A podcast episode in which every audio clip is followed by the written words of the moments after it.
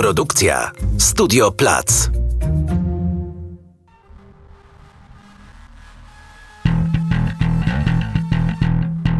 Nazywam się Barbara Klicka, a to jest podcast dwutygodnika magazynu o kulturze.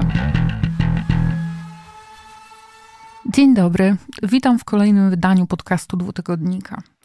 Punktem wyjścia do dzisiejszej rozmowy stał się tekst Anny Pajęckiej pod tytułem Instytucjonalny blackout. Dotyczący tego, jak w realiach kryzysu klimatycznego zmienia i będzie się zmieniać rola instytucji sztuki. Na świecie rozmowy na ten temat trwają od lat. Komisja Europejska przeznacza miliony euro na przekształcanie instytucji kultury w miejsca współodpowiedzialne, a nawet współkształtujące ekologiczną zmianę. W 2021 roku sieć europejskich teatrów ETC uzgodniła kodeks zrównoważonego działania, w ramach którego do roku 2030 10 największych teatrów europejskich stanie się siecią neutralną dla klimatu o tym, jak nieekologiczna potrafi być rozrywka i kultura, o tym, jak światowe i polskie instytucje reagują na wyzwania związane ze zmianami klimatu i jakie reformy wdrażają lub próbują wdrażać, wreszcie o lękach odbiorców sztuki dotyczących ekologicznej transformacji instytucji kultury porozmawiam dziś z Dorotą Ogrodzką, pedagogzką teatru, artystką społeczną, dramaturżką i reżyserką. Cześć Doroto. Cześć, dzień dobry. I autorką tekstu, do którego się dziś odnosimy, redaktorką działu teatr i sekretarzynią redakcji dwutygodnika Anną Pajęcką. Cześć Aniu. Cześć. Miło mi was widzieć. Niektóre na żywo, niektóre w online'ach. Słuchajcie, przed chwilą przetoczyła się dyskusja dotycząca polskiego pawilonu na Biennale w Wenecji. Można było odnieść wrażenie, że to bardzo istotne, kto tak zwanych nas będzie tam reprezentował. E, tymczasem ty, Aniu, w swoim artykule, do którego się dziś odnosimy, piszesz, że, tu cytat, e, jeśli ktoś zapytałby cię o to, czy uważasz, że jest w świecie miejsce dla Biennale w Wenecji, z pełnym przekonaniem odpowiedziałabyś już nie. Może spróbujmy zacząć od tego, żebyś się wytłumaczyła. E, z tak tego właśnie, Biennale weneckiego. Tak, tak właśnie podejrzewałam, że od tego zaczniemy pewnie, bo to jest y, ten fragment tekstu, który y, może jest taki najbardziej wciągający uwagę, bo wcześniej dużo pisze o różnych y, formalnych, systemowych rozwiązaniach, które są wdrażane. Ten jest rzeczywiście taką bardziej opinią, niż powołuje się tam na w kontekst środowiskowy, to, to, to, coś, co się już dzieje, albo w ogóle mogło być wdrażane, więc powiedziałabym, że to jest taka fantazja o tym, o świecie, w którym Biennale w Wenecji przestaje istnieć, jako taka radykalna zmiana, która byłaby rzeczywiście pewnym sygnałem, pewnym symbolem w tym tekście piszę, y, że nie tylko ze względu na środowiskowe koszty, z którymi wiąże się organizacja Biennale, to znaczy na to, że zostawia ze sobą dużo śmieci, że jest to ogromny wydatek energetyczny, ale też z takich powodów lokalnych. I ta lokalność, y, ten szacunek dla lokalności, to jest jakaś taka wartość, którą my, y, mam wrażenie, dzisiaj jest bardzo wzmacniana i w świecie sztuki, w ogóle. No, mieszkańcy Wenecji, nie mówię tu o turystach i osobach przyjeżdżających, ale mieszkańcy Wenecji są bardziej sceptycznie nastawieni do imprezy. Zresztą w zeszłym roku podczas e, Biennale Architektury odbywały się protesty, e, między innymi dotyczące tego, żeby e, zwrócić mieszkańcom część parku, tego zielonego terenu, w którym znajduje się Giardini, czyli miejsce, jedno z dwóch miejsc, w którym są zbudowane, postawione od wielu, wielu lat pawilony narodowe, te takie główne pawilony narodowe, bo to jest druga rzecz, która, e, która sprawia, że dla mnie Biennale staje się taką e, instytucją już bardzo mocno niewspółmierną i do, do wartości, które próbujemy, na których próbujemy budować e, współczesny świat. I dlatego ten gest rezygnacji z Biennale byłby taki bardzo ważny symbolicznie, bo to Biennale, można powiedzieć, umacnia takie przekonanie o dominacji państw narodowych, postaw narodowych, to dzieli je na takie mm, światy dwóch prędkości. To znaczy mamy te instytucje, które są w Tredini, w tym głównym pawilonie i mają swoje wystawne, e, wystawne e, przestrzenie i mamy drugą przestrzeń e, w Arsenale, gdzie państwa też współdzielą ze sobą te przestrzeń. To tak jest tak wrażeniowo, to, to, to już jest takie przedziwne. To, to, to oczywiście jest odzwierciedleniem, odzwierciedleniem dawnego porządku, ale no nie dokonała się żadna zmiana, więc dla mnie to Biennale jest właśnie takie straszliwie frustrujące. Znaczy to jego obecność, to, to ten taki mm, ten model, który już jest taki bardzo przeterminowany, bardzo przeciw tym takim właśnie wartościom typu mm, nie wiem, płynna tożsamość, y, typu różnorodność, y, typu wspólnota, y, współpraca, współdziałanie, to, to są takie wartości, które mam wrażenie, że one w treści, to jest właśnie kolejna, kolejna rzecz, one w treści biorą, one są cały czas obecne, ale w formie, ta forma temu zaprzecza i to się bardzo kłóci. No, potraktowałam ten przykład z weneckim Biennale jako pewne egzemplum szerszego problemu. I tak naprawdę to pierwsze pytanie miało być tylko rozruchowe, dlatego żeby się, żebyśmy sobie spróbowały nazwać ten kłopot z dużymi imprezami kultury. Na czym on tak naprawdę polega? E, ty zasygnalizowałaś już parę takich obszarów w swojej wypowiedzi, mm. ale e, jak rozumiem, e, nie dotyczyłyby one, te kłopoty, nie dotyczyłyby tylko weneckiego Biennale. Tak, no ja od razu tutaj właściwie chętnie chętnie zaczęłabym od tego, na czym y, Ania skończyłaś swoją wypowiedź, to znaczy temat deklaratywności, który wydaje mi się jakoś y, jest bardzo istotny, to, że teatry, ale też właśnie festiwale, galerie sztuki coraz chętniej zajmują się tematami y, czy wartościami, właśnie tymi, które wymieniłaś, które w ogóle jakby zwiastują, czy chcielibyśmy może, chciałybyśmy, aby zwiastowały nowy paradygmat kultury, e, czyli te wszystkie, które wymieniłaś właśnie współ, e, praca, działanie, ale też pewna odpowiedzialność i klimatyczna, i społeczna, sprawiedliwość społeczna. E, to są kategorie, które są bardzo chętnie wieszane na banerach, umieszczane w programach, w tytułach sezonów na przykład. Natomiast dużo trudniej jest oczywiście myśleć o nich w realizacji.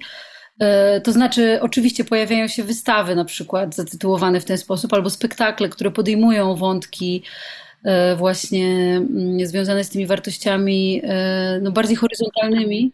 Do tego jeszcze wrócimy. Tak, no właśnie, mam nadzieję. Natomiast y, oczywiście, y, jeśli spojrzymy na zaplecze, czy na sposób, w jaki te y, instytucje są organizowane, w jaki sposób one pracują, na ich rusztowania, właśnie zaplecza, na to wszystko, co jest niewidoczne też na co dzień i też niewidoczne dla widzów, odbiorców, uczestników, uczestniczek e, tych zdarzeń, no to już jest e, dużo trudniej tutaj mówić o konsekwencji. I wydaje mi się, że to jest oczywiście jakiś ogromny temat ale jest on jakimś zasadniczym problemem, że dużo łatwiej y, myśli się y, o tych wartościach w taki sposób właśnie deklaratywny, mm, czy też dyskursywny. Dużo trudniej jest o nich myśleć na przykład na poziomie praw pracowniczych albo właśnie y, jakiejś tego, co po angielsku nazwalibyśmy sustainability, czyli tej trwałości, stabilności, ale też takiej współzależności różnych sektorów działania, mm, w tym też właśnie tych sektorów produkcyjnych. E, no i ja bym powiedziała, że to jest jakby chyba największy problem, tak, mhm. tak myślę. Tak też to czytam z Twojego tekstu zresztą, że tutaj chodzi o jakiś taki rozdźwięk, o jakąś taką aporię pomiędzy tym właśnie, co e, jest na wierzchu, co jest właśnie prezentowane, a tym, jak to jest zrobione. Tak, to ja właśnie y, rzeczywiście temu, jak y, treść y, która jest podawana przez instytucje kultury, różni się od formy, którą one przybierają i poszukiwaniem takiej współczesnej, nowoczesnej formy.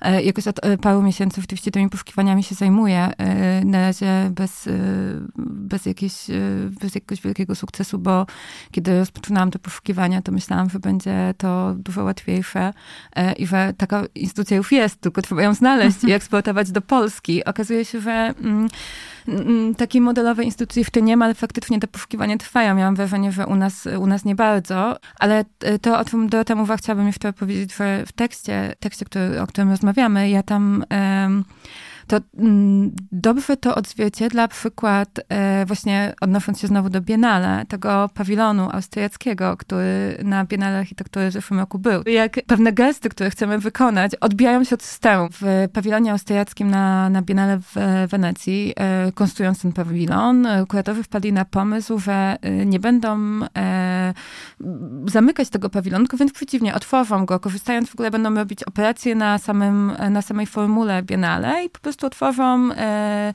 ten e, swój pawilon na gości z zewnątrz, którzy nie kupią biletów, nie przyjadą na Biennale, ale będą mogli po prostu z przestrzeni zielonej z parku, dzięki schodom, wejść bez biletu, zwiedzić ich pawilon i wyjść.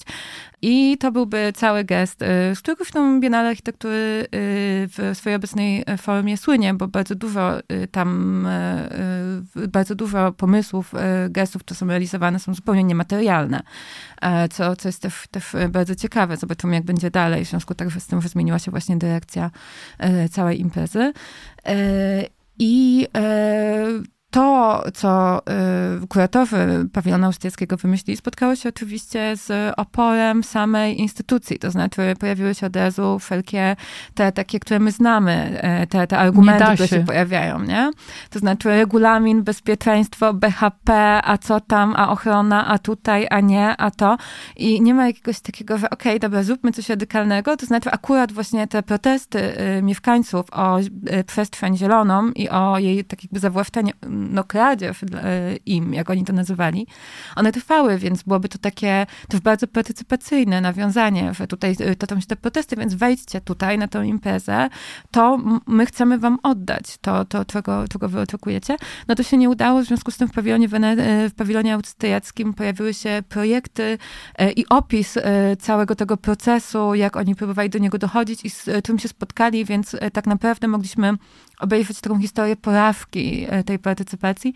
Bardzo to jest ciekawe i dla mnie bardzo symptomatyczne, jak dzisiaj myślimy właśnie o tym, jak instytucje kultury, znaczy jak osoby, które wchodzą do instytucji i próbują rzeczywiście coś zmieniać, po prostu się odbijają. Ja nie jestem praktyczką, nie mam doświadczenia, ale obserwuję to i myślę, że Dorota może tutaj więcej nawet powiedzieć. Mówicie do tej pory głównie o takiej ekologii niematerialnej i to super, ale e, mnie w twoim tekście, Aniu, mhm. zainteresowały też te bardzo materialne mhm. rzeczy dotyczące prądu, wody, fotowoltaiki, śmieci.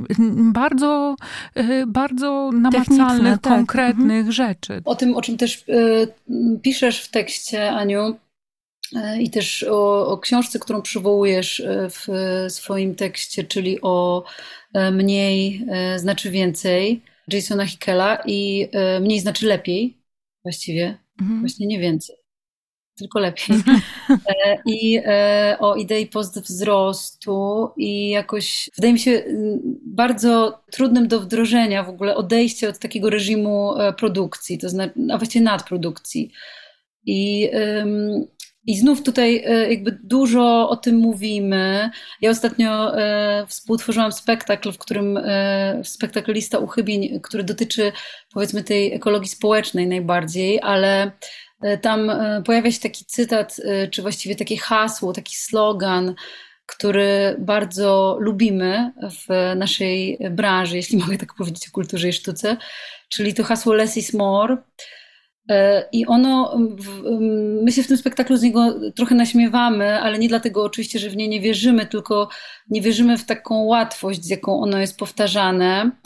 E, bardzo często powtarzają e, to hasło instytucje, programy grantowe, organizatorzy kultury, czyli osoby, które rozdają pieniądze, czy właściwie dysponują zasobami, chyba tak należałoby powiedzieć, e, czyli na przykład biura kultury miejskiej, ale też samorządy, rozmaite inne podmioty.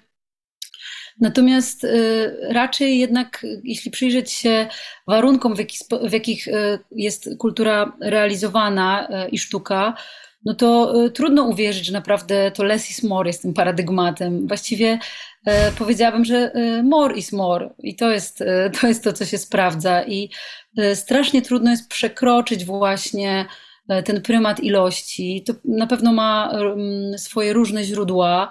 Jednym z nich jest pewnie lęk, że publiczność nie przyjdzie albo że będzie jakoś zawiedziona, że nie będzie miała wystarczająco dużo rzeczy do oglądania i odwiedzania. E, ja akurat nie podzielam tego lęku, ale wydaje mi się, że on jakoś towarzyszy też instytucjom, które no, opierają się jakoś też na uczestnictwie czy na obecności ludzi, e, na ich akcesie. Mm, ale prawdopodobnie e, ja bym tak powiedziała, że to też chodzi o jakiś wciąż obowiązujący, choć też w deklaracjach staramy się od tego odchodzić, ale jednak wciąż obowiązującą definicję sukcesu, że sukces oznacza pewną ilość, pewną wydajność, Pandemia oczywiście była zachwianiem jakby tego myślenia, ale chyba wróciliśmy w dwójnasób jakby po pandemii do, e, do takiego poczucia, że należy właściwie nadrobić, można powiedzieć, ten stracony czas. Ja oczywiście trochę wyolbrzymiam, wyolbrzymiam te narracje czy te dyskursy, ale e, wydaje mi się, że w, re, e, w realu, w praktyce organizacji, instytucji kultury to tak funkcjonuje. Więc ja bym powiedziała, że nadprodukcja, a drugie słowo, które przychodzi mi do głowy, to jest też nonszalancja, to znaczy łatwość właśnie, z jaką ogłaszamy zmiany i y, ogłaszamy nadejście nowego paradygmatu, nie wiem, sprawowania władzy czy dysponowania zasobami. Y, no chyba mm, bez takiej gotowości, tutaj nie mówię y, o takiej gotowości pojedynczych osób, bo nie obarczałabym pojedynczych osób, mhm. dyrektorów, dyrektorek, czy, mm, czy w ogóle no, osób jakby odpowiedzialnych za instytucje, ale w ogóle wydaje mi się, że ta gotowość do poniesienia pewnych kosztów też zmiany, no to jest jakaś e, szersza gotowość, właśnie pewnie też gotowość publiczności, ale gotowość w ogóle zakładu pracy, jakim jednak instytucja kultury jest i takiego systemu myślenia i też systemu gospodarowania zasobami, których częścią instytucja jest, no bo niezależnie od tego, jak bardzo chcielibyśmy widzieć e, i chciałybyśmy kulturę i sztukę jako taki odrębny i niezależny sektor, no to ona jest po prostu częścią też naszej gospodarki, e, zarówno tej gospodarki e, mm, finansowej, jak i tej gospodarki właśnie takiej, można powiedzieć, energetycznej, e, w szerokim znaczeniu słowa energia. Zresztą w ogóle, jak mówiłyście, jak zadawałaś Basia to pytanie, to przyszła mi do głowy mm, taka myśl i taki wykład, który bardzo lubię, wykład Guattariego, Trzy ekologie, to jest wykład, który on wygłosił wiele lat temu, w 91 roku chyba, e, w Chile. Później on był powtarzany wielokrotnie i tam e, jakby wskazuje Guattari na te trzy pola Jedna dotyczy właśnie zasobów materialnych, druga wspólnoty, a trzecia po prostu jednostki i tego, w jaki sposób jednostka realizuje swoje cele i jak dysponuje swoimi zasobami. I on e, wskazuje na to, że to jest niesłychanie powiązane i że właściwie jakby e, te elementy materialne, to o czym mówisz, to w jaki sposób używa się prądu, wody, jak dysponuje się światłem, jak myśli się o ilościach, na przykład w repertuarze, jest ściśle powiązane z tym, w jaki sposób myślimy e, o ludziach, ich energii, ich obecności w instytucji, ich pracy też. No więc e, ja bym powiedziała właśnie, że nadprodukcja z jednej strony, a z drugiej strony nonszalancja mm, i, i, brak takiego holistycznego spojrzenia i brak dostrzeżenia, że te porządki jakoś się uzupełniają, ale też wzajemnie na siebie wpływają i jakieś nadużycie w jednym polu e, pociąga za sobą nadużycie w innych. W Twoim tekście e, uderzyło mnie bardzo, e, uderzyła mnie ta informacja, Ty Doroto o tym przed chwilą mówiłaś, że e, kultura i rozrywka to jest ponad 3% PK, polskiego PKB. Tak, to jest 2,5% polskiego, e, to jest e, produktu krajowego brutto rzeczywiście. I to mnie też to na początku zaskoczyło. Natomiast jeżeli wpiszemy w to całą branżę kreatywną, czyli reklamę, która generuje bardzo wielkie pieniądze, które e, przemysły kreatywne tak zwane, czyli całą branżę koncertów, to są ogromne pieniądze, no to tak e, rzeczywiście wychodzi. Natomiast to właśnie e, Dorota już nawiązała do tej idei wzrostowej, która w tym tekście jest takim podsumowaniem, to znaczy, gdzie hmm. szukać ratunku. Mi się wydaje, że w ogóle to jest idea, jedna z tych idei, w których możemy szukać szukać ratunku. Ona y, oprócz tego, że y, trochę y, już stanowi receptę na to, co, co teraz, bo, bo jak jesteśmy przy diagnozie, to Dorota powiedziałaś o nadprodukcji, ale też już powiedziałaś o w ogóle produkcji, tak? Mamy taką logikę produktową instytucji kultury, to znaczy ma być wystawa, ma być, zawsze ma być wystawa, ma być spektakl, ma powstać nowy spektakl, dlatego na przykład ja e, nie powiedziałabym, że festiwaloza jest problemem, tak? Dla mnie na przykład festiwale są, e, mogą być częścią zmiany i taką okazją do tego, że na przykład teatralne, no bo oczywiście właśnie, no to zawsze jest ten problem, że jak mówimy o kulturze i o sztuce łącznie, to każdy sektor ma inne rozwiązania, inne problemy, ale na przykład festiwale teatralne, one by mogły być o tyle dobrym rozwiązaniem, że one zapewniają wielokrotną eksploatację mm. tego, co już powstało tak? Czyli jeżeli spektakl jest grany z ileś tam setów, które są oczywiście zagwarantowane w umowie, bo y, właśnie bo, mówiąc o instytucjach kultury, my nie mówimy o tych wszystkich rzeczach, które są, to znaczy, że są rachunki za prąd, jest umowa na no zagranie y, spektakli, są kary umowne za wycofanie się ze spektakli, tak? Są pieniądze publiczne, które trzeba e, wydawać e, zgodnie z jakby w, w, w prawem tego, żeby ich nie mm, man, jest, jest, marnotrawić. marnotrawić, tak, ale jest, jest takie słowo, sprzeniewierzyć. O właśnie, tak, bo oczywiście za to y, mm. grozi odpowiedzialność karna. Jakby ten cały mechanizm po prostu zwykłej firmy, instytucji. Ja kiedyś y, właśnie już y, w jednym z takich dawnych tekstów przy okazji y, dyskusji o Krystianie Lupie i jego odwołanym spektaklu w Genewie pisałam, właśnie apelowałam i robię to, jak mam okazję, żeby traktować instytucję kultury jako też zakład pracy, jako instytucję taką, że my widzimy ten produkt na scenie, ale jakby za tym, co stoi, to są te wszystkie wetry, e, o których właśnie powiedziałam i to też jest coś, jakby, co mam wrażenie, że to jest część tej diagnozy, tego nie ma, w którym miejscu jesteśmy. No jesteśmy właśnie w takim miejscu, że trochę tego nie dostrzegamy i to też wyszło w momencie, kiedy okazało się, że trzeba, że jesteśmy w kryzysie energetycznym i trzeba zacząć oszczędzać zasoby i nagle się okazało, że nasze instytucje nie mają na to w ogóle e, żadnego e, rozwiązania systemowego, to znaczy trzeba po prostu ściąć spektakle. I co z tymi spektaklami robić? No one powstały, zostały na nie wydane e, pieniądze publiczne, zagwarantowane umową ilość zagrań, tak? Aktorzy mają płaconą pensję podstawową plus od mm. każdego zagrania ekipa techniczna często tak samo. W związku z tym e, wchodzi to w takie zupełnie już e, profanum, typu z czego ogrzać dom i zapłacić za jedzenie, prawda, jak się jest aktorem etatowym w teatrze. Nagle coś, ścinamy sety, no bo nie mamy innego wyjścia Panteweje. Bardzo chcę to powiedzieć. Mi się to właśnie to wydaje wypełnienie tej luki między realnym a wyobrażonym. To jest materia. To znaczy, to jest tak. E, ten konkret, te właśnie kilo, e, kilowaty. Tak, te liczniki, te kable, które te, te kable, są wszędzie, nie? Tak, te śmieci, te kilogramy śmieci, te dekoracje, te, ten taki brutalny, materialny konkret, który się wytrąca z czegoś, o czym mamy ochotę mówić natychmiast jakby po, poza materią, Absolutnie. jako idei. Tak, tak, bardzo się chce. Natomiast jeszcze y, słowem y, to, to, nawiązanie do tego, co Dorota powiedziała o publiczności i o tym, że y, nadprodukcja często wynika z tego, że my chcemy do tej publiczności wyjść i, i rzeczywiście dać jej, żeby przychodziła do nas. No, ja właśnie mam wrażenie niestety z jakiegoś czasu, odkąd się w ogóle dowiedziałam o tym, że taka praktyka jest, jest dość właśnie bardziej przy ziemi. To znaczy bardzo bym chciała i pewnie w wielu instytucjach tak jest, że dbamy o publiczność i ofertę, która będzie zróżnicowana i dla nich i pewnie to są też instytucje, to na pewno są, które badają tę publiczność i, i myślą w pierwszej kolejności publiczności publiczności, ale niestety e, w niektórych e, samorządach tak jest, że miernikiem dotacji jest frekwencja. Mm. I to jest moim zdaniem pierwsza rzecz systemowa do zmiany. To znaczy, jeżeli w instytucji miernikiem dotacji jest frekwencja, jeżeli dotacja dla instytucji jest uzależniona od tego, ile osób przyjdzie na wydarzenie, no to oczywiście, że będziemy produkować te dziwne takie jakby ściągać tych ekspertów samolotem, przyjdzie pięć osób. Tu po prostu wielość tych wydarzeń, mm. Ona no, musi być różnorodna, tak? Nie możemy pokazywać 40 razy tego samego spektaklu musimy pokazać nowość, bo premiera podbija nam frekwencję, a frekwencja zapewnia nam dotację na stałym poziomie, więc to wszystko rozbija się o takie bardzo przy ziemi, bardzo no, techniczne kwestie, nie? Typu tak utrzymanie instytucji, jakby tak byt.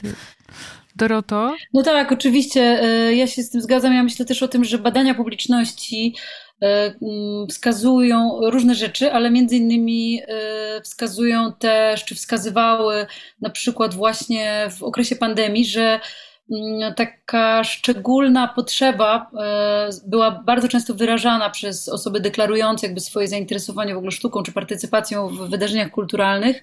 Ta potrzeba uczestnictwa, potrzeba spotkania, E, co nie zawsze oznacza, mówiąc wprost, e, odbiór dzieła nowego. To czasem oznacza uczestniczenie w e, dużo bardziej różnorodnych formatach spotkaniowych, warsztatowych, które mogą jakby uzupełniać repertuar, być dla nich jakby bardzo ciekawym właśnie, no nie tylko uzupełnieniem, ale jakimś takim komponentem, czymś też niesłychanie atrakcyjnym, bardzo też pobudzającym do rozmowy, do bycia z innymi ludźmi, do kontaktu ze sztuką.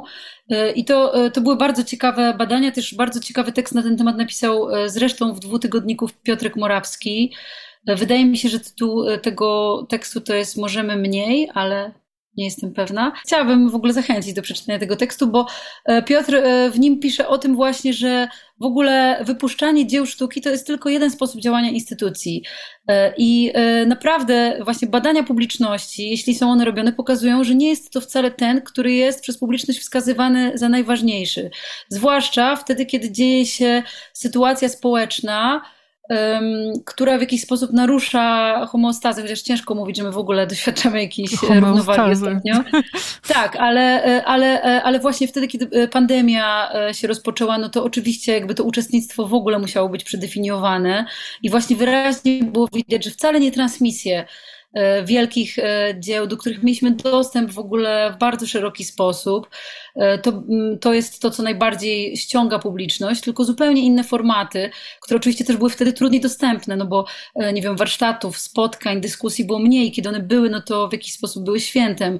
Natomiast Piotr Morawski właśnie w tym tekście wskazuje na takie obszary właśnie sztuki zaangażowanej, sztuki partycypacyjnej, Mm, no, pedagogiki teatru, o której ja zawsze chętnie mówię, bo e, to jest też filozofia pracy, która jest mi bliska, ale też mnóstwo e, innych sposobów pracy, które też wchodzą do sztuki e, współczesnej, która przeżywa przecież taki zwrot społeczny i które pokazują, że wcale niekoniecznie właśnie ta produkcja jest jedynym sposobem na otwieranie pola sztuki dla, dla osób, że też właśnie proces, że spotkanie i że to też pozwala na taką.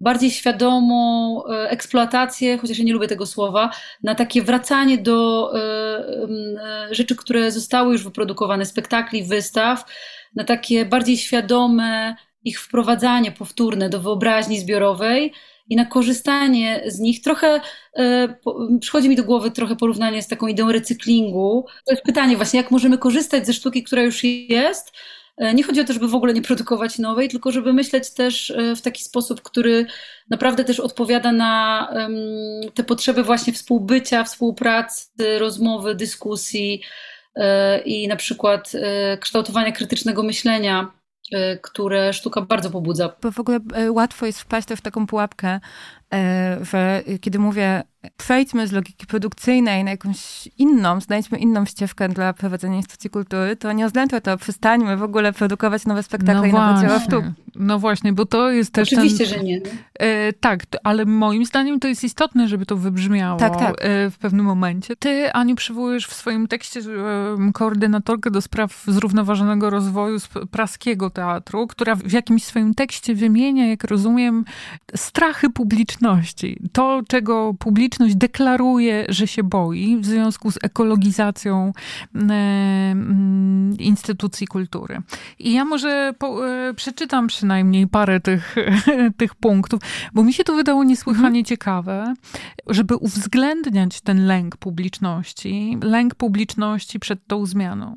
Ten strach teatralnej publiczności przed, e, podstawowy strach to jest strach przed zdławieniem sztuki. Zdławieniem opatrzone jest cudzysłowem, ale e, rozumiemy, co to może oznaczać. A w następstwie, i tu znowu cudzysłów, radykalnej ekologicznej agendy w teatrze. Czyli cały czas opowiadania o problemie ekologicznym. Czy wy spotykacie się z takimi lękami wśród publiczności? Czy jak, jak byście na nie odpowiadały? Co, y, jak z waszym zdaniem się z tym mierzyć? To one chyba są dość powszechne, kiedy się mówi oczywiście o instytucji zaangażowanej albo takiej instytucji, która gdzieś tam musi e, wychodzić naprzeciw problemom, które są polityczne, dotyczą życia codziennego i tak dalej. Teraz e, oczywiście to pytanie, no to co, to teraz będziemy oglądać tylko spektakle o wojnie, katastrofie klimatycznej, mm. a nie zobaczymy, nie wiem, adaptacji albo kolejnego dzieła. No, nie, wiem, czy, czy Christian Lupa nie zrobi kolejnego Zebana. No, tak, coś tak. takiego, nie? W sensie ucieknie nam, nie wiem, ta literatura z teatru. I, I myślę, że publiczność się z tym mierzy, ale właśnie odpowiedzią, odpowiedź to jest y, chyba prosta odpowiedź, ale nie, nie zrealizowanie tego. To znaczy, no właśnie zmiany systemowe, które sprawią, że instytucje będą inaczej funkcjonować jako instytucje i i y, wtedy program będą realizować już w, inny sposób, tak? To znaczy będą mogły sobie realizować program, jaki będą chciały artystyczny, ale cała otoczka tego, że te instytucje będą inaczej funkcjonowały materialnie, tak? Na poziomie technicznym, na poziomie organizacji pracy, na poziomie w ogóle organizacji, no to wtedy to nie będzie, nie, to jest to sposób na to, żeby zachować ten teatr, mm. na przykład, właśnie mówimy o teatrze, tak? Tak samo jak w sztuce, jeżeli zmieni się sposób transportu dzieł sztuki na przykład, albo wydłuży się życie wystaw, tak żeby one nie były w jednej instytucji, ale żeby w jakiś sposób je transportować. E, bardzo często też oczywiście te dzieła na przykład cyfrowe można łatwo transportować, tak? Bez dużego wydatku energetycznego. Tu żeby dzielić się też ideami, e, no to, to też oczywiście pozwoli tym instytucjom działać jakby w programach, które chcą tworzyć, a nie są im narzucone przez właśnie względy jakieś społeczne, polityczne, tak mi się wydaje. Dorota? Tak, poza tym wydaje mi się, że zapraszanie e, różnych osób, różnych twórczyń, twórców, jakby gwarantuje, może gwarantować różnorodność, no bo ludzie przychodzą z różnymi pomysłami, wrażliwościami, językiem, więc e, tak czy inaczej e, myślę, że ta różnorodność może właśnie się przejawiać przez to, że pochodzi od, od różnych osób. Tak, jak mówiłaś o tej agendzie ekologicznej, to przyszło mi do głowy takie porównanie, które wydaje mi się dosyć mocne, ale też dosyć adekwatne. E, skojarzyło mi się to z takimi lękami, które czasem można usłyszeć, dotyczącymi, e, e, lękami dotyczącymi konsentu w relacjach romantycznych. Że skoro mówimy o konsencie i o tym, że on jest ważny, jakby mamy tego świadomość, edukujemy się i generalnie jakby wprowadzamy tę ideę do, do, do sfery publicznej, to można, można usłyszeć, można spotkać się z takimi głosami, że to pozbawia e, relacje między ludźmi właśnie pewnej tajemniczości, e, tej spontaniczności. I no, wydaje mi się, że to jest bardzo e, taki analogiczne, mm, analogiczny proces. Wydaje mi się, że pewien koszt, jaki ponosimy, tym kosztem są głównie nasze lęki, on zawsze towarzyszy zmianie i towarzyszy jakby mierzeniu się z mm, kryzysem pewnych idei, na przykład, na przykład idei władzy mm, kogoś nad kimś, e, albo jakiegoś e, właśnie paradygmatu, w tym przypadku na przykład właśnie tej produkcji, czy wielości, czy ilości bardziej może, mm, nad, e, nad zrównoważeniem. I myślę, że to, że się boimy, to jest jakiś taki element po prostu tego, że się mierzymy ze zmianą i że widzimy jakby inne aspekty rzeczywistości, one przestają być dla nas e, neutralne, no i musimy udźwignąć jakby pewien rodzaj też rozczarowania, że to właśnie nam przyszło się z tym mierzyć, e, nie wiem, naszemu pokoleniu, czy naszym pokoleniom właściwie, czy naszym instytucjom, naszemu czasowi. Mm, ale z drugiej strony wydaje mi się, że bardzo naiwne jest myślenie o tym, że zmiana y, dokona się bez kosztów, bez rezygnacji, na przykład z jakiejś dominacji, czy z jakiejś wygody, czy z jakiegoś komfortu, czy z jakiejś fantazji. Y, na, na przykład o tym, jak będą wyglądać wszystkie spektakle wyprodukowane y, w danej instytucji. Natomiast myślę, że też chodzi o balans i chodzi o równowagę też w tym tekście, o którym rozmawiamy, E, bardzo podoba mi się jakiś taki rodzaj też e, patrzenia z wielu stron e, i wskazywania na to, że być może to nie chodzi o to, żeby rezygnować teraz ze wszystkiego, co w ogóle wykorzystuje prąd czy, czy światło. Zresztą jakby wiemy o tym, że jest to niemożliwe i no byłoby to też naiwnością, ale chodzi też może o jakiś taki rodzaj proporcji, dowartościowania być może, według mnie, dowartościowania projektów czy procesów, które E, są może bardziej skromne, jeśli chodzi o te środki, których używają, ale mogą być równie wartościowe, jeśli chodzi o energię, którą wytwarzają, e, energię międzyludzką czy energię artystyczną po prostu. I e, w tym sensie mogą być też bardziej ekologiczne, w takim metaforycznym sensie, ale też w takim zupełnie dosłownym, że po prostu bazują na czymś innym niż właśnie ta materia czy ten prąd, oświetlenie, mm, czy te ilości zasobów po prostu technicznych na przykład. Właśnie to, co powiedziała Dorota teraz, to mi się wydaje, że jeżeli otworzymy się na tą zmianę, dojrzejemy do niej i uznamy, że jesteśmy na nią gotowi, to to może naprawdę bardzo dobrze zadziałać ostatecznie na to, co będzie powstawało w instytucjach, instytucjach sztuki, bo e, pewne przeformułowanie tego, co my w ogóle robimy w tej instytucji, po co, jak to wpływa na świat zewnętrzny, jak to się rozkłada wewnątrz, to na przykład może uwolnić e, możliwość, żeby te procesy, które dzisiaj bardzo pędzą w instytucjach, na przykład czas tworzenia spektaklu, niemożliwość bycia bycia długo w tak, instytucji z procesem, mhm. no może się wydłużyć i przecież z tego na pewno i artyści na tym skorzystają i publiczność na tym skorzysta. E, a, a przecież e, chyba właśnie też nam o to chodzi, tak? Żeby te instytucje wiedziały tak naprawdę po co istnieją, a nie stały się taką fabryką do... Tu nie mówię, że tak jest w każdym przypadku w tej Jasne. chwili, tak? Ale żeby one się nie stały taką fabryką do produkowania wydarzeń, no bo e, na to jest zdecydowanie za późno. My jesteśmy w jakiejś cały czas logice takiej bardzo wczesnokapitalistycznej, jeśli chodzi o to, jak są produkowane te jak są w ogóle prowadzone instytucje. Natomiast y, no to, co właśnie y, nawiązujemy, y, w, ja nawiązuję w tekście, tu nawiązałyśmy w rozmowie do, do Jasona Hikala i jego książki o postwzroście. E, nie pierwszej zresztą wydanej w Polsce, ale pierwszej, która tę ideę postwzrostu jakoś e, rozszerzyła i, i, i podarowała szerszej publiczności. No to jest cudowna, e, cudowna wizja, która odpowiada nam trochę na pytanie, a co jeśli nie kapitalizm, mm -hmm. nie? który też jest istotny. Co jeśli nie będziemy mierzyć w, w, wzrostu przez produkt krajowy brutto, który nie uwzględnia efektów pobocznych. To znaczy, jeżeli mówimy, że sektor kultury, sztuki i rozrywki właściwie yy, i sztuki i kultury E, to 3,5% PKB, to to 3,5% PKB nie uwzględnia tych wszystkich kosztów, które są obok, to znaczy mm. tego, jaki koszt środowiskowy, jaka energia, jaka energia ludzka i tak dalej. Tu energia ludzka, no wiadomo, praca ludzka, tak, uwzględnia, ale energia ludzka, w, w, w relacje międzyludzkie, to wszystko, co jest właśnie niemierzalne do końca, to nie wchodzi w to. Jeżeli zrezygnujemy z mierzenia e, wzrostu, jeżeli zrezygnujemy z takiego właśnie cały czas y, mierzenia postępu przez to, w jaki sposób rośnie nasza pozycja ekonomiczna, ten, ten produkt y, krajowy brutto, to y, wtedy będziemy mogli bardziej skupić się na rzeczach, które y, tak naprawdę są y, istotne. Czyli na przykład to y, w jego wizji ja zakładam na przykład całkowitą rezygnację z reklamy. No bo dlaczego mhm. mamy, no bo to jest reklama, ma z założenia zachęcać nas do kupowania rzeczy, które nie są nam potrzebne. No to jeżeli nie są nam potrzebne, to ich nie kupujmy. Jeżeli e, wyjdziemy z tej logiki kapitalistycznej, na przykład zapewnimy e, gwarantowany dochód podstawowy, to osoby może będą pracowały mniej, czy zarabiały mniej pieniędzy, bo no, e, ale te pieniądze też będą, nie będą miały takiej wartości. Będziemy mieć sprawne usługi publiczne, będziemy mieć dobrą edukację, będziemy mieć sprawną ochronę zdrowia, e, przez to będziemy mieć więcej czasu, będziemy mogli angażować się w działania lokalne, w działania wolontaryjne i tak dalej, i tak. I to też, e, co podejmuje ta idea po prostu przyglądając się temu, jak sztuka będzie wyglądała, bo to też się dzieje, no to będzie jeszcze bardziej wzmocnionym i ważnym sektorem dla ludzi, że, y, ponieważ y, uwolni się ten zasób, którego dzisiaj bardzo nie mamy, to znaczy czas nasz, e, to może będziemy bardziej chcieli korzystać z oferty kulturalnej, w ten sposób na przykład się edukować.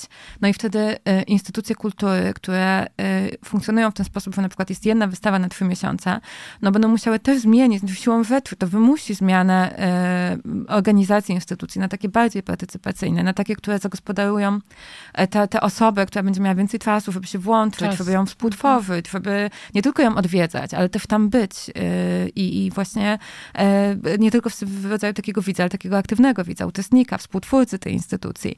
Więc jakby to e, wszystko, co, co obiecują nam pewne idee, które jakby są do wyciągnięcia ręki tylko do wdrożenia, ale oczywiście no, ten okropny kapitalizm wstrzymuje przed tym ale one gdzieś są i, i, i wizja takiego świata, w którym e, faktycznie e, my e, gdzieś tam e, możemy inaczej funkcjonować, e, te instytucje muszą, muszą się zmienić. E, gdzieś, myślę, że, że, kiedyś będzie musiała być wdrożona. No i właśnie na przykład dlatego tak bardzo symboliczne dla mnie jest to Biennale. To mhm. jest właśnie w taką starą imprezą opartą na modelu, który naprawdę, naprawdę, naprawdę jest bardzo daleki od współczesności. No i jak wysłać czytelniejszy sygnał do świata, że hej, jesteśmy gotowi na zmiany, ale nie tylko takie zmiany w teście, ale w formie i na, na pójście takie radykalne do przodu. Też właśnie nie lubię mówienia o radykalnym, mm. bo to, to jest takie słowo, które strasznie się też wyświechtało, no ale takie totalne pójście do przodu i pokazanie, no dobra, no to zapiszmy tę kartę jakoś wspólnie. Tak Słuchajcie, to teraz chciałabym was poprosić o to, żebyście przekuły to, co mówiłyście w konkretne przykłady. To znaczy, chciałabym was, żebyście podały kilka po dwa, może na początek zobaczymy, jak dalej pójdę. Ulubione takie ilustracje tego nurtu środowiskowego w sztuce wasze. Ty piszesz, Aniu, o spektaklu jakim jak Atman. Bardzo mnie interesuje, co to znaczy w praktyce. Pokażcie mi, jak to się wciela, waszym zdaniem.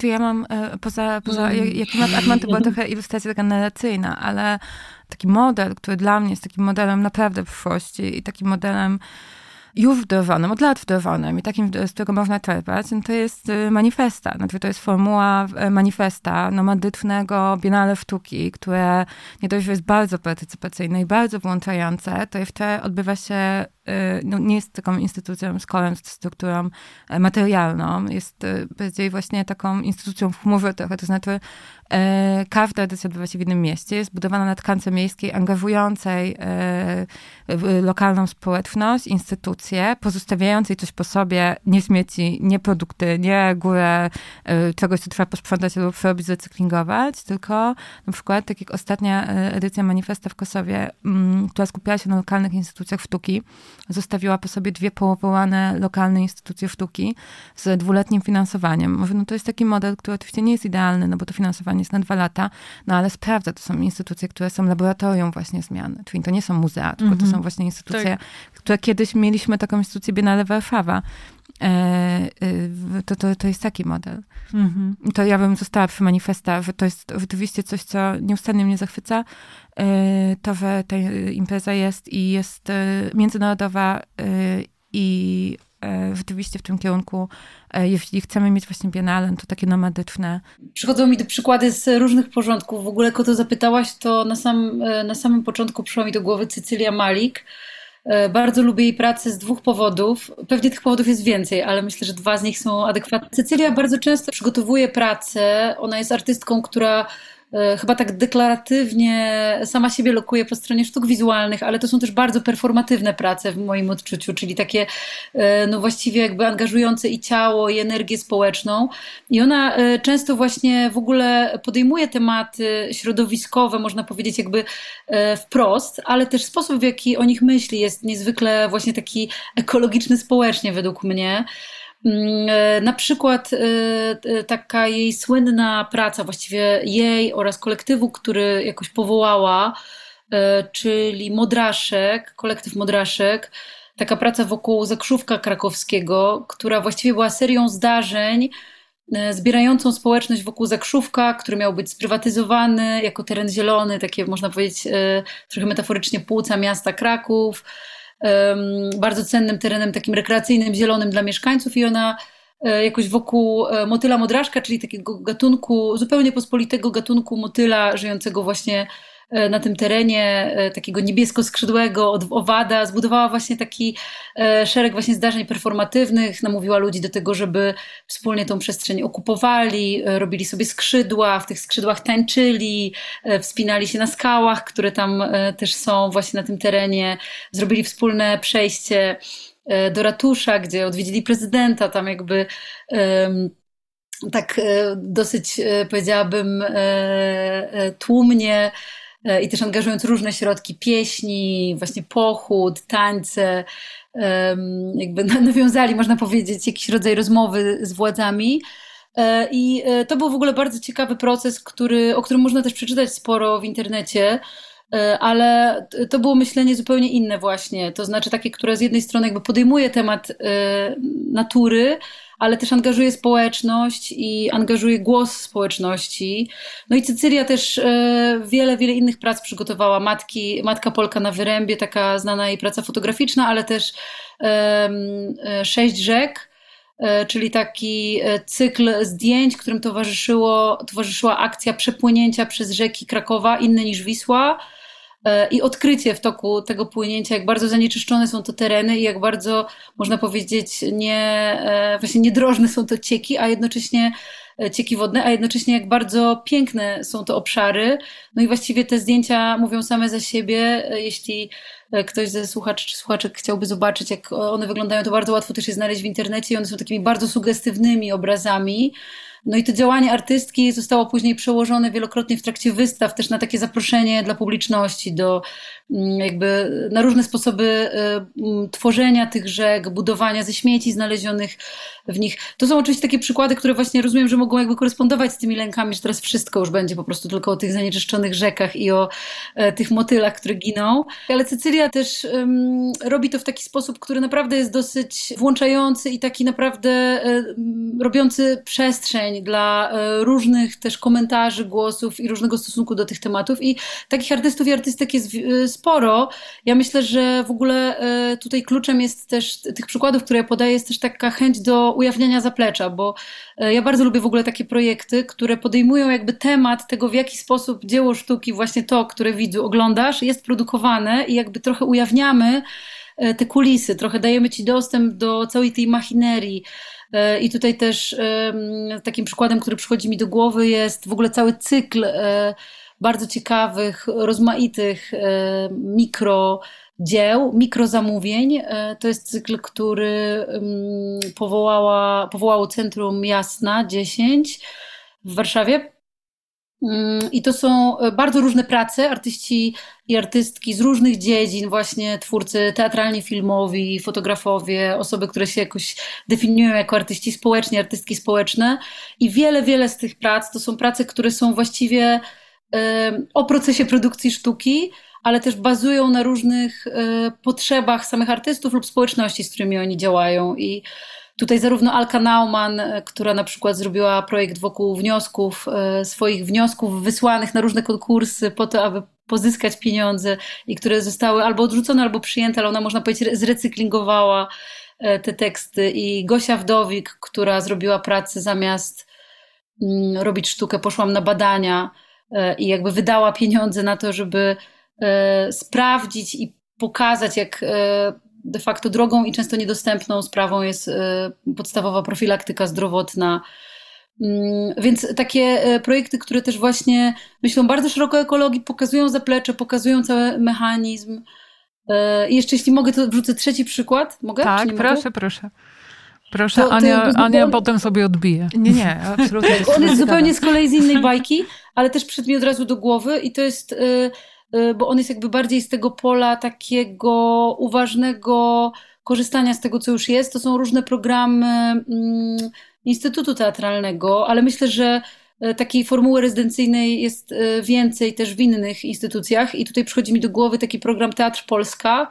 To jest program objazdowy, który pozwala dotrzeć spektaklom wyprodukowanym w teatrach do różnych mniejszych miejscowości, gdzie teatru nie ma, ale na przykład jest Dom Kultury, który e, często nie jest w stanie zapełnić e, swojej przestrzeni wydarzeniami, nie jest w stanie jakby wyprodukować tych wydarzeń i właśnie gości wydarzenia, które są przywiezione przez teatr i często te wydarzenia, te spektakle muszą w jakiś sposób no, ograniczyć się. Po prostu te sceny na ogół nie są tak wyposażone, nie mają takich rozmiarów jak sceny teatralnej. Okazuje się, że mimo to te spektakle są w stanie na nich zafunkcjonować, są w stanie być zagrane i często gromadzą ogromną publiczność. E, wiele, wielokrotnie słyszałam o tym, że planowane były dwa pokazy, ale e, właściwie zdecydowano, że będą cztery, ponieważ było tylu chętnych, tyle chętnych osób. E, I to jest właśnie taki przykład tego, że bardzo prosty i on oczywiście też generuje koszty, natomiast to już nie są koszty produkcji. I to pozwala też docierać szerzej, angażować nową publiczność i korzystać z tego, co zostało zrobione i też pozwalać aktorom na pracę i aktorkom.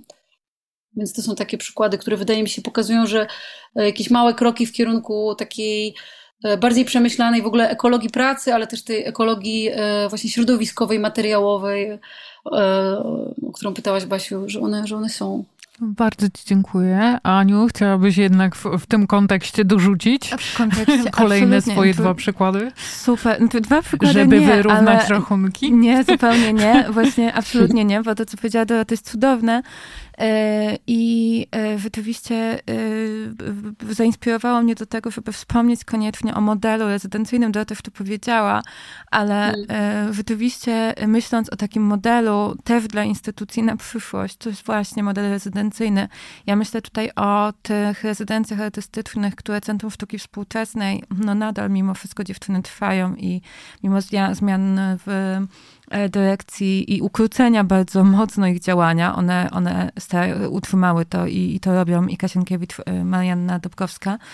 E, Polin taki, też miał swoje e, rezydencje, wydaje mi się. Tak, e, tak to dużo instytucji to, to, to robi, natomiast tutaj dziewczyny rzeczywiście wykonały jakąś taką olbrzymią pracę już bardzo dawno temu. E, w, w 2009 roku, jeśli się nie mylę, e, zaczęły e, we współpracy z niemiecką instytucją budować to, to w Polsce, ten system, uczyć się tego, jak się to robi. E, I wspominam akurat o konkretnie tych rezydencjach, bo w ramach tych rezydencji nie musi powstać dzieło. Więc jest to popyt, wymiana, y, sieciowanie się, tak, y, poznawanie innej przestrzeni kulturowej, zostawianie w niej swojego śladu, swojego języka w artystach, których się tu spotkało, zobaczyło. Osoby, które przyjeżdżają z całego świata, bo to też jest w ogóle pozaeuropejski, bardzo mocno pozaeuropejski projekt. E, sama obecność tych osób zmienia instytucję, więc instytucja staje się też takim żywym organizmem. Ja jestem absolutnie zachwycona e, tymi rezydencjami, które e, Centrum Sztuki Współczesnej Zamek Ujazdowski prowadziło i prowadzi. Mam nadzieję, że w następnych latach powstaną, dalej będą to robić i, i, i wrócą na taki tor. Świat, system umożliwi im e, dalej rozwijanie tego projektu i będą go mocno rozwijać, bo tu ja widzę absolutną przyszłość w tym modelu rezydencyjnym. Natomiast nie mogę się powstrzymać, żeby nie powiedzieć w odniesieniu właśnie do tego, zamiast podawać kolejny przykład, to w odniesieniu do tego, co Dorota powiedziała o e, Cecylii Malik, ja też mam e, tutaj rzeczywiście dużą słabość i do Krzysztofa Maniaka, który jest też takim artystą wędrującym, e, to zobaczcie, co się dzieje, kiedy. I to, to bo to jest też obok tego trochę jest e, cała historia landartu, nie? I tej sztuki, która powstawała przy ziemi. E, już nie mówiąc przy ziemi metaforycznie, bo wcześniej mówiłam przy ziemi jako takim bardzo a tylko tak przy, przy ziemi, jako tej naszej matce ziemi. Przy tworzywie, jakim To jest zobaczcie, co się dzieje, kiedy wchodzi instytucja w takie rzeczy, nie? To znaczy, to są wspaniałe działania.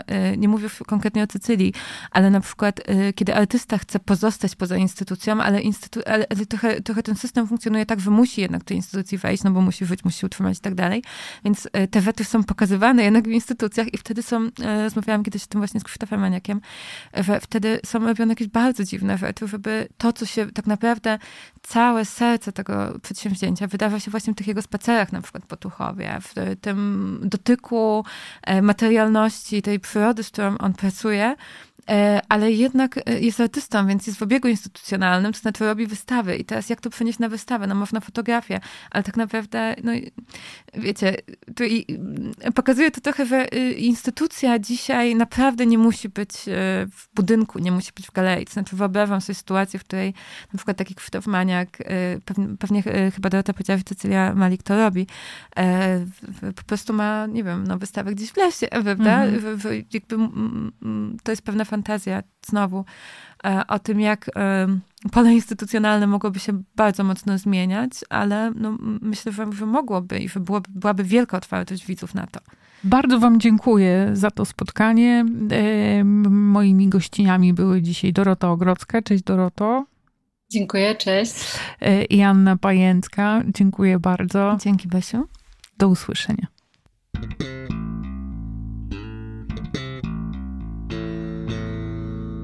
Ostatnio w dwutygodniku ukazał się spory pakiet tekstów z cyklu Kultura zaangażowania.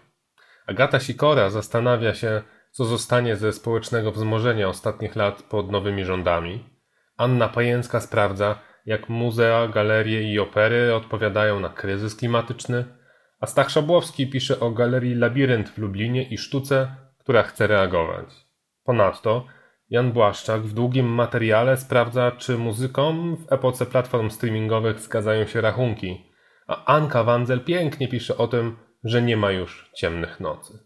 I recenzujemy, dużo recenzujemy. Film Biedne Istoty w reżyserii Jorge'a Lantimosa, webdoc Szkoła Świat Igi Łapiński. W ogóle pamiętacie jeszcze, czym są webdoki? Wystawę Baśnie z krwi i kości w Fundacji Galerii Foxal, nową Akademię Pana Kleksa, w reżyserii Macieja Kawolskiego, książkę ze słowackiego Adama Kaczanowskiego i animację Chłopiec i czapla Hayao Miyazakiego. Nic, tylko czytać i oglądać. Polecam. Maciej Jakubowiak. To był podcast dwutygodnika magazynu o kulturze. Prowadziła Barbara Klicka. Dżingiel Małgorzata Tekla-Tekiel. Dwutygodnik jest wydawany przez Dom Spotkań z Historią, Instytucję Kultury Miasta Stołecznego Warszawy. Produkcja Studio Plac.